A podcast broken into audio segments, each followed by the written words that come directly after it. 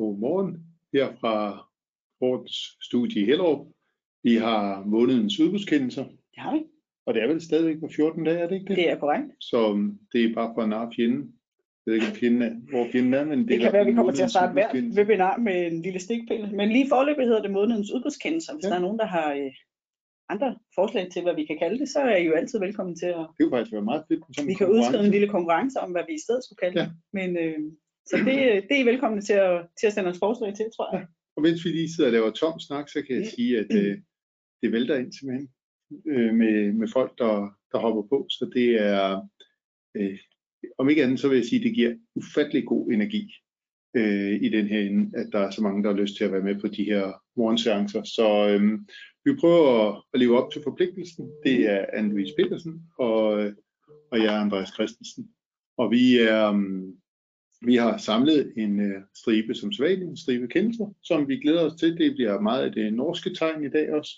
Så, um, Yes. Men der er kommet nogle rigtig spændende kendelser fra, den, fra det norske klagenævn, som vi egentlig er rigtig glade for at tage med til jer, fordi vi har fornemmelsen, at det er måske ikke alle, der altid læser de norske kendelser, Mm. og det har vi så tiden og muligheden for, så, så, så er vi glade for at kunne dele den viden med jer. Vi kan også sige, at der i tiden, altså de sidste 14 dage, der er kommet, eller kun blevet offentliggjort en ny øh, kendelse fra klagenøden for udbud. Det gør selvfølgelig også, at vi har tiden til lige at genbesøge de sidste øh, måneders sommerperiode fra, øh, fra KOFA, og også en enkelt dom fra, øh, fra domstolen. Så vi har forsøgt at lave sådan lidt et, øh, et opsamlingsheat, inden, øh, inden klagenødene forhåbentlig kommer øh, op i, øh, i fuld øh, fart igen og begynder at afsige kendelser, fordi at, øh, jeg vil sige, de, de, det år, vi efterhånden har kørt det her, øh, Mm. det her, den her øh, webinar, der har, der har virkelig været øh, rigtig meget til fat i, også fra det danske klagenød. Godt, jamen lad os, øh, lad os kaste os ud i det, og I ved at øh, bare stille spørgsmål, når vi siger noget, der er uforståeligt, eller I synes er forkert, eller hvad der, hvad der ellers måtte være. Det, øh, vi er vant til at blive skudt på, som vi plejer at sige, så, så det skal I ikke holde jer tilbage fra. Nå, den første kendelse her, det er øh, måske i virkeligheden den mindst overraskende kendelse, vi har med i dag. Synes du? Nej, det kan godt være, det kan det er i hvert fald et udbud af, af totalentreprise med forhandling. Så so far so good. Det er det, vi, vi, vi anbefaler i meget, meget vidt omfang i øjeblikket at køre de her processer med, med forhandling. Og der øh, havde øh, ordregiver afvist et, øh, et tilbud på grund af, jeg er faktisk enig i, den er, den er super spændende også. Ja, det er den. Nu, øh, Så bare lige i gang med at... øh, bare lige have hovedet med der, Ja. fordi øhm, der havde man øh, lavet sådan en evalueringsmodel på pris, som man sagde, hvis at øh, du skal ligge inden for et bestemt interval. Hvis du kommer uden for det interval, så er du ukonditionsmæssig. Og det er faktisk ret spændende, Ja. fordi det har vi øh, tidligere haft kendelser fra klagenævnet for udbud, der sagde, det er strid med udbudsreglerne, så kører du ikke mest økonomisk forlagt ind. Hvis der er nogen, der vil levere billigere, som det var i det her tilfælde, så, øh, så skal de have mulighed for det, og så må det jo bare udløse maksimumpoint. Øh, så kan du ikke smide folk ud. Øh, det er udbudsreglernes formål, at, ligesom, at vi skal købe så, så økonomisk forlagtigt ind som muligt. Det vil sige, vi har selv, den gamle praksis, har vi været, tror jeg godt, jeg vil sige, det, det, den har vi udfordret lidt mm. i nogle udbud, vi har gennemført. For, for eksempel på rådgiverudbud, det kan være bygherrerådgivning, der oplever vi, at priserne bliver øh, dumpet så meget, at vi ikke tror på, at der kan leveres et, øh, et se- seriøst stykke arbejde. Og øhm, derfor har vi prøvet at arbejde med en, en minimumsgrænse, der kunne være 4 eller 5 procent af prissum, hvis det er bygherrerådgivning. Mm. Øh, og hvis det er under det, så siger vi bare tak og nej tak, så har vi ikke lyst til at arbejde med. Og det har været en udfordring af klagenævnens praksis, og nu får vi jo heldigvis, øh, kan vi finde et støtte nu Mm. i den, i den seneste praksis, fordi her øh, går man altså ind og smider en tilbudsgiver ud, fordi deres pris er for lav. Tilbudsgiveren siger, jamen det, er jo, det var så specifikt, hvad der skulle leveres, at øh, der var ikke rigtig noget at konkurrere på på kvaliteten. Og vi kan simpelthen ikke se, at vi kan bruge så mange penge på at bygge det, så vi vil gerne give en skarpere pris. Det kan godt overraske lidt, fordi det er totalentrepris, Mm. og der kan- synes man jo nok, der er noget rum at arbejde for, Mm. mm. og, også for, for at øge kvaliteten. Og de har, som jeg læser, den to forhandlingsmøder, og øh, det første bliver det ikke rigtig adresseret på, så er der en telefonopringning, hvor de, hvor de måske præciserer det på vejen. Som jeg Ja, læser. altså der sker det under, under klagesagen, eller ikke under klagesagen, under udbuddet sker der det, at ordregiver efter at have udbudt øh, med, med det her interval, som, øh, som Andreas har beskrevet, så piller man nogle ydelser ud af tilbudslisten, eller i hvert fald omkategoriserer dem og, øh, og, og øh, anvender dem med en, øh, en mindre mængde, end det der oprindeligt var udbudt. Og det gør jo, at øh, at man, jeg tror det er mellem første og andet forhandlingsmøde, eller efter det andet, hvordan det nu er, da den her øh, klager øh, kontakter så ordregiver og siger, altså er I sikker på, at I ikke lige skal kigge på det der interval, fordi nu har I pillet nogle ydelser ud, mm. og allerede inden I pillede ydelserne ud, der lå vi under jeres mindste øh, mindste tal eller mindste pris, og nu piller I nogle yderligere ydelser ud, øh, og, og vi har lidt svært ved at se, hvordan vi skulle kunne levere så meget mere kvalitet, at vi kan komme ind i det der økonomiske valg, interval, I har udbudt. Øh, men, men Bygherre fastholder ligesom og, øh, og siger, at det er det interval, der nogle gange er til rådighed, og vi har jo skrevet, at, øh, at priser uden for det interval, de, øh, de accepteres ikke, og derfor så må det være en ret logisk følge, at så skal de så skal de ud. Øhm, og, øh, og den køber klagenheden altså siger, jamen det var, det var klart beskrevet i udbudsgrundlaget, det var det, man ville gøre, og det var det vidderligt. Der var sådan set ikke nogen tvivl, øh, sådan som udbudsmaterialet var formuleret, at man ville ikke acceptere priser uden for, uden for det interval. Øh, og, og klagen siger også, at man kan ikke lægge til grund, at, øh, at den formulering har skrevet, skævfredet, hedder det, øh, mm. hvad hedder det, vægtningen øh, af pris, eller på anden måde skabt en, øh, en evaluering, som ikke er i overensstemmelse med det, der er udmeldt. Så, øh, så klagenerne opretholder altså den her, øh, den her model.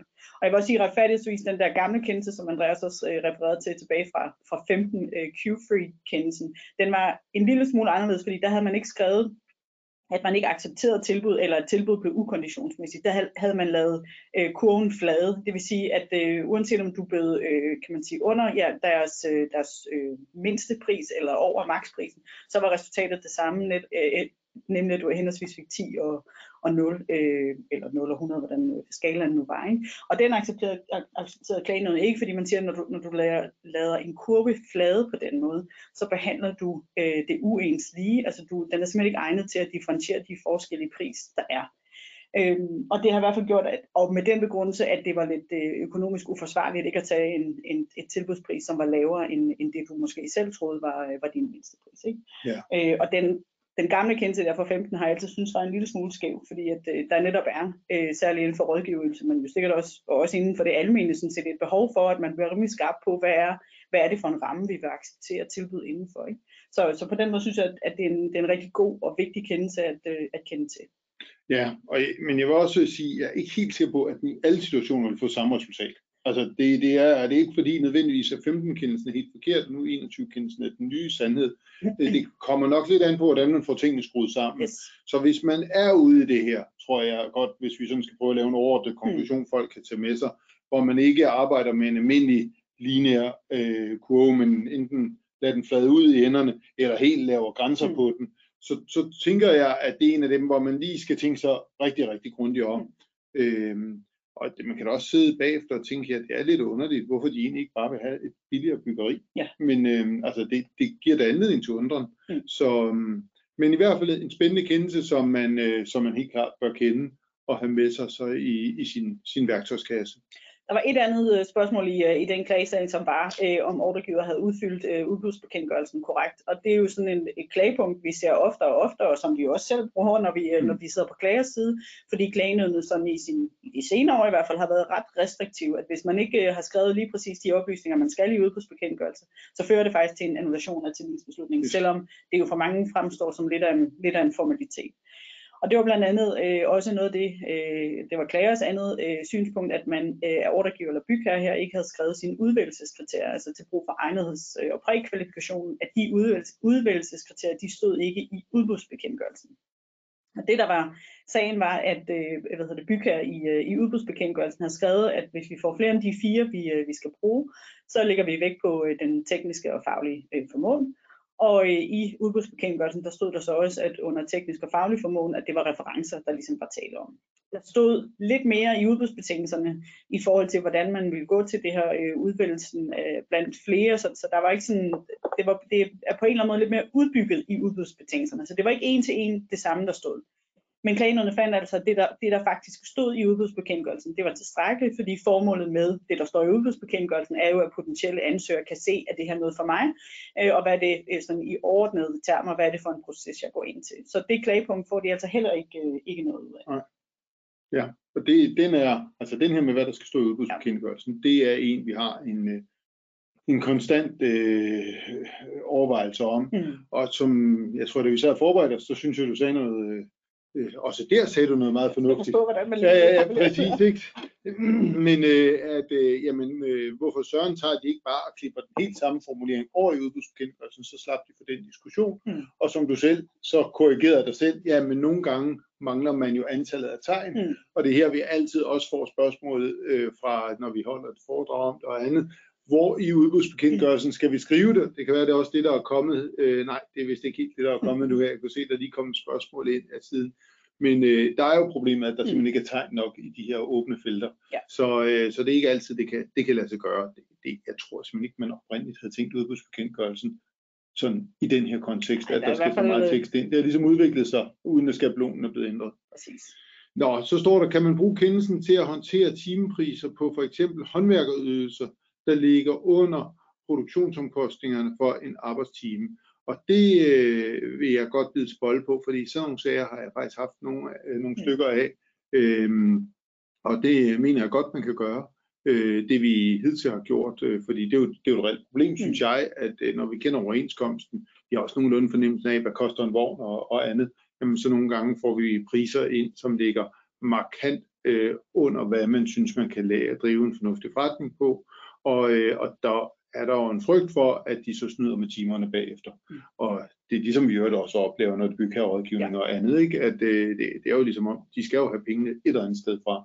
Men øhm, og der har vi indtil videre brugt den øh, procedure, at vi har udfordret dem så ud fra proceduren om unormalt lave tilbud, men det her det var også en mulighed, og måske i virkeligheden en meget god måde at signalere på forhånd, at det er øh, en, jo, de her håndværkerudbud, det er måske noget, vi på et tidspunkt skulle snakke om, for jeg ser nogle forfærdelige rundt omkring. Altså, hvor man sådan laver en replicering af kundekendelsen og glemmer, at der også er materialer, og det, det er bare komplekst. Det er og det, øhm, og det, og det, det, det, det, det, det, der tror jeg, at man skal være glad for, at der ikke øh, bliver glædet særlig meget i Danmark lige på, på det område. Måske bare lige en sidste ting, inden vi lukker den der kendelse ned, fordi den er, den er faktisk ret spændende. Øh, det er jo at sige, at hvis man arbejder med de der intervaller, uanset om det er på delpriser eller på totalsum, så skal I selvfølgelig også tænke i, at så kan pris, afhængig af hvor bredt eller hvor smalt jeres spænd er, kan pris jo så nok ikke vægte sådan super meget, i hvert fald hvis der er andre øh, kriterier, fordi konkurrencen bliver alt andet lige øh, lidt mindre. Det tror jeg også, man skal tænke lidt over, hvad er det, når, hvis vi begynder at sætte sådan meget håndfaste regler op for, hvor, hvilke prisinterval vi vil acceptere, så har jeg i hvert fald tænkt, øh, at så må det også øh, ret automatisk betyde, at så bliver prisdelen af vores samlede konkurrence, medmindre det laveste pris, bliver så typisk også øh, noget mindre, fordi så kan det andet få lov til at, at fylde. Ja, vi har faktisk senere en spændende kendelse fra Norge Mm. om, den her, om det her priskriterie. Det er et spørgsmål, om vi lige skulle tage det nu, fordi det, de hænger jo en lille smule sammen. Øh, Hvis jeg husker, så kommer den på den næste slide. Er det ikke rigtigt? Ja, det, er, det er. Nej, men, øh, men det er faktisk den her, den øverste her fra, fra 8. juli, Ja.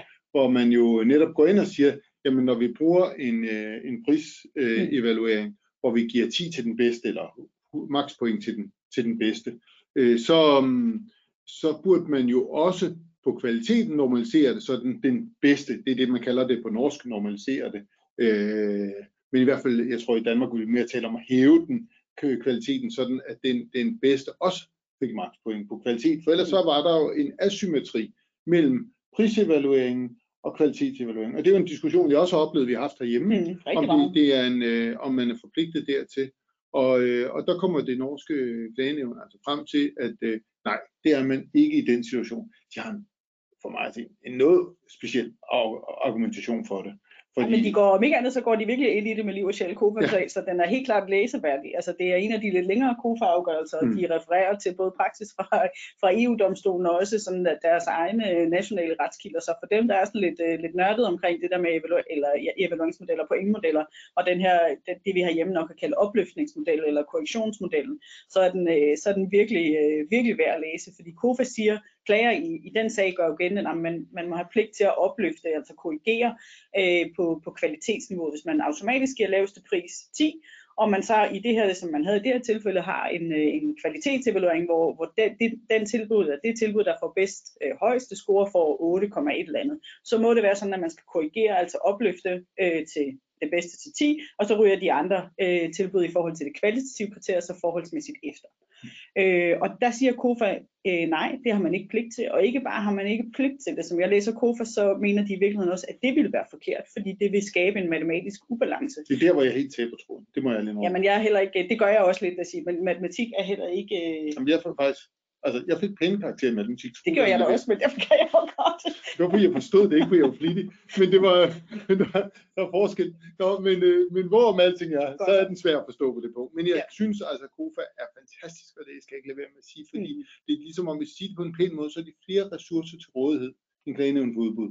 Deres kendelser bærer præg af, at altså, man, bliver, man bliver klog af at læse dem. Det gør man også til klagenævnen for udbud, men Mm. der er bare ligesom, de, de kan gå et par spadestik dybere, og, det er, og derfor er den her altså god at læse, også i Nogle gange, ikke? der er jo nok også ligesom i, i klagen, er også lidt varierende. Varierende længde på præmisserne, men den der er i hvert fald, øh, den er jeg enig i. Den Det er var simpelthen smukt sagt, det du sagde der. Ja. Det var sådan næsten over i noget Jørgen Letsk, du var ude i. Sådan er det. Ja, de Ja. brune muskler på vej op ad bjerget. Ja. Uden sammenligning i øvrigt, men Nej, ja, godt men- så. Øh, altså, Tour de France Ja, ja, ja, det kan man altid. Nå, Nå, godt. øhm, så er vi tilbage igen Tak. ved den her øh, fantastiske, fantastiske kendelse, som jeg tror, vi kan gøre ret kort, selvom den, den kommer altså med nogle øh, helt centrale præmisser. Det er en dom fra EU-domstolen, hvor man havde gjort det, at det, det drejede sig om affaldstransport. Man skulle i forbindelse med byde dokumentere, at man havde de fornødne øh, tilladelser osv. til at øh, lave international affaldstransport. Det skulle man faktisk ikke, Ja. hvis jeg bare lige må rette Ja, ja, der. det Fordi må du at, øh, det, øh, det, det var, er faktisk det, der bliver et, øh, et omtvistet punkt. Mm. Øh, fordi at ordregiver jo havde øh, stillet alle mulige egnethedskrav om, at, at man, hvad man i øvrigt havde af erfaring med, med den her type af opgaver, så tildeler de så til, til den øh, virksomhed, der hedder Sunresa. Og så beder man dem så om at fremlægge de jeg ved, tilladelser, man nu skal have for at transportere farligt affald øh, over grænsen, blandt andet til Danmark, tror jeg, hvor, Mm. mm. hvor det ligesom skal videre øh, be- behandles. Og det kan Sunresa ikke, og så, øh, så udelukker man eller afviser man så tilbuddet på det tidspunkt Mm. faktisk. Og det klager øh, Sunresa over og siger, at det kan ikke være rigtigt. For det første stod der faktisk ikke noget om i udbudsgrundlaget, at man skulle kunne fremlægge, fremlægge det her i tilbudssituationen. Og nu går I så ud og beder os om at, at indhente det, og det, det kan vi altså ikke, øh, ikke lige nu. I kan ikke øh, hvad hedder det, smide os ud som uegnet, fordi det har sådan set ikke noget med egnethedskravene at gøre. De her tilladelser, som man skal have for at flytte farligt affald over landegrænserne, det er ikke noget, jeg sådan, øh, på den måde er klog i, men jeg forstår dog så meget, at det er faktisk ikke noget, der gives øh, på virksomhedsniveau som sådan. Det er noget, der gives på det konkrete læs affald, der skal fragtes fra A til B, og det kræver faktisk for at få sådan en tilladelse, at man både kan, kan øh, fremvise noget dokumentation for, at man har en eller anden kontrakt i medfør af, hvilken man skal transportere det, og man skal også fortælle, øh, vi skal have det affald fra A til B. Altså det er sådan en rimelig konkret tilladelse faktisk. Mm. Og det domstolen jo så skal forholde sig til, det er jo to problemstillinger. For det første kunne man lovligt anvende, kunne man lovligt sige, at det her krav om en tilladelse, at det er et egnethedskrav, det er det ene.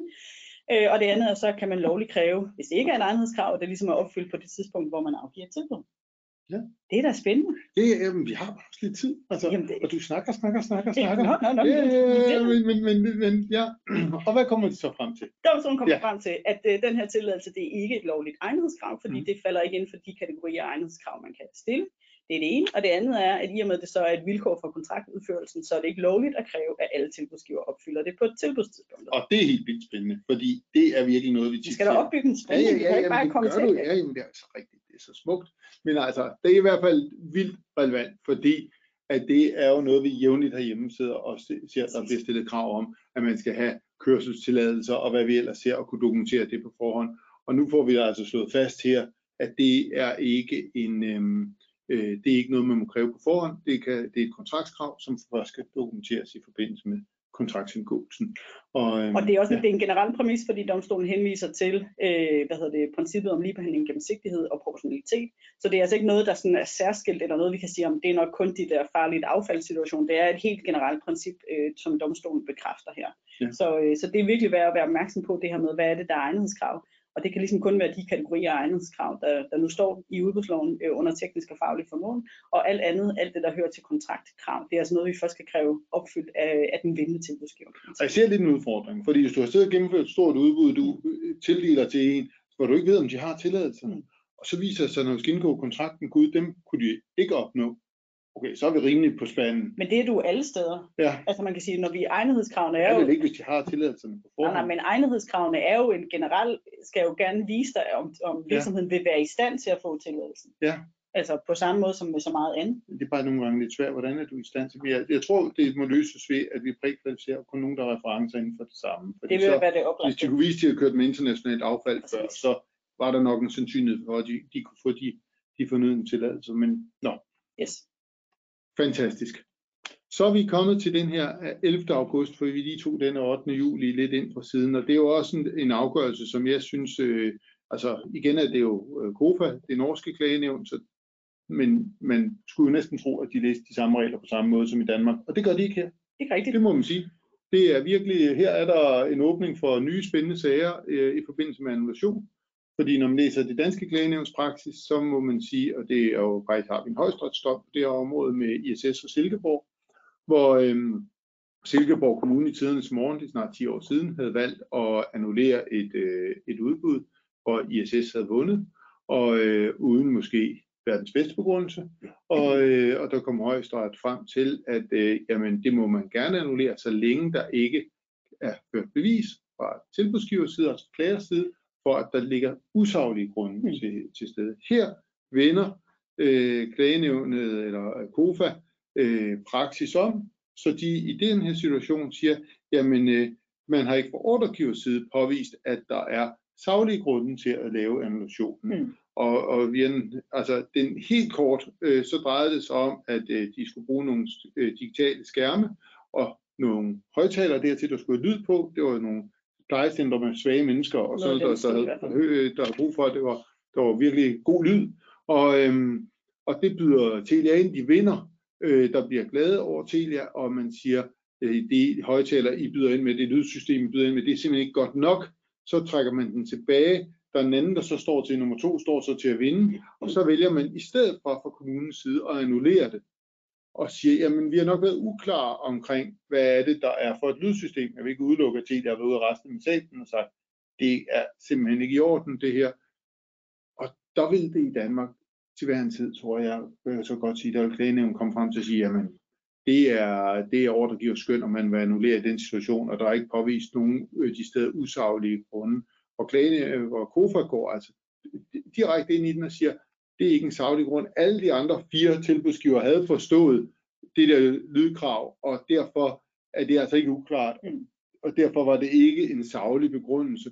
Og der ligger vel lidt mellem linjerne, det var en for, for at imødekomme Telia, så de kunne få en, en second chance eller en, en, en I hvert fald det er det, man får fornemmelsen ja. af, ikke? at den annulation er sket udelukkende for at favorisere Telia, som var den eneste, der ikke havde forstået det der øh, udbudskrav. Og når jeg tager højstretsdom frem, så må man sige, det er jo ikke en enig svale, fordi klagenævnet har jo ligesom fulgt den i en række kendelser efterfølgende. Seneste en med Dansk Erhverv, jeg lige husker, øh, hvor, hvor de var sådan ligesom initieret en klage. Og der kunne man jo godt tænke, at i lyset af den her, om man skal genlæse højesteretsdom, og ikke læse den helt så bredt, fordi det, der var i højesteretsdom, det var, at det var en politisk beslutning, der havde besluttet, at man ville annullere, men alligevel ikke ønskede udlistering. Og man ved jo aldrig, hvad der foregår i en politikers hoved. Det er i hvert fald en sandhed.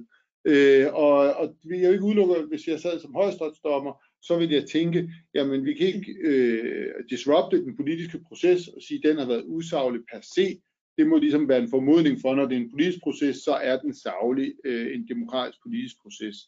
Men hvis det nu har været en ren embedsmandsbeslutning, som det jo er i 99% 95 mm. af tilfældene, kunne man så ikke forestille sig, at man vil gøre det som KOFA, man har ikke gjort det i den hidtidige praksis, men fremadrettet, øh, i hvert fald hvis den bliver protesteret på den måde.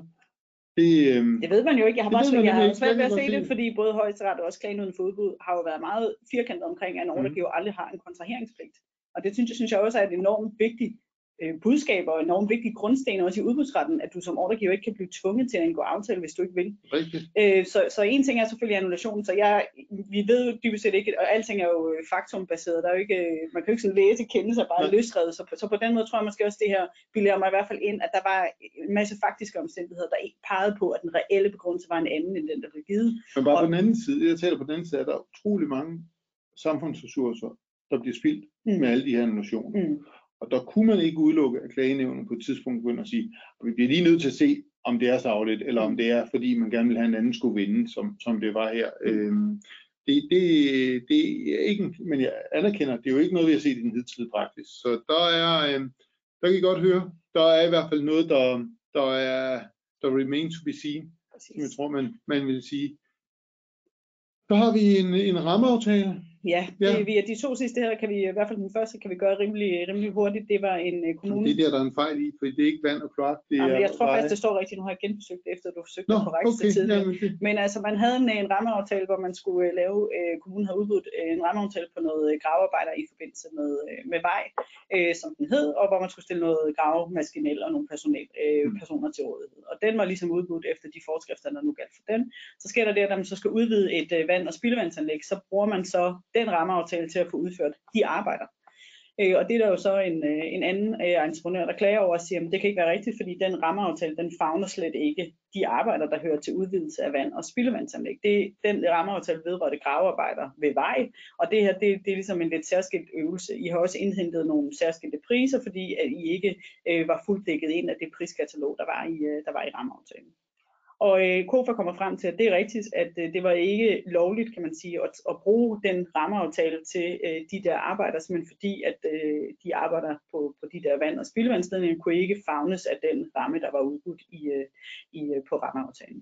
Det får så ikke de helt store konsekvenser, fordi KOFA samtidig siger, at de arbejder isoleret set, som ikke er omfattet af rammeaftalen, de har en værdi, som er så langt under den, den, øh, den norske tærskelværdi for, øh, for EU-udbud, at det får ikke øh, en betydning, kan man sige. Man kommer ikke ud i det der meget hæftige, øh, hæftige sanktionsregime. Men det er jo super relevant, fordi vi, vi kan vist godt være ærlige at sige, at vi oplever ret mange rammeaftaler, som bliver strukket ekstremt meget. Hmm. Øh, og og øh, for eksempel inden for IT, hvor man siger, jamen øh, det må også kunne omfatte den her konsulentydelse, den konsulentydelse. Sådan bekræfter jo det, som det danske klagenævn i virkeligheden også siger igen og igen, at rammeaftaler skal fortolkes indskrænkende.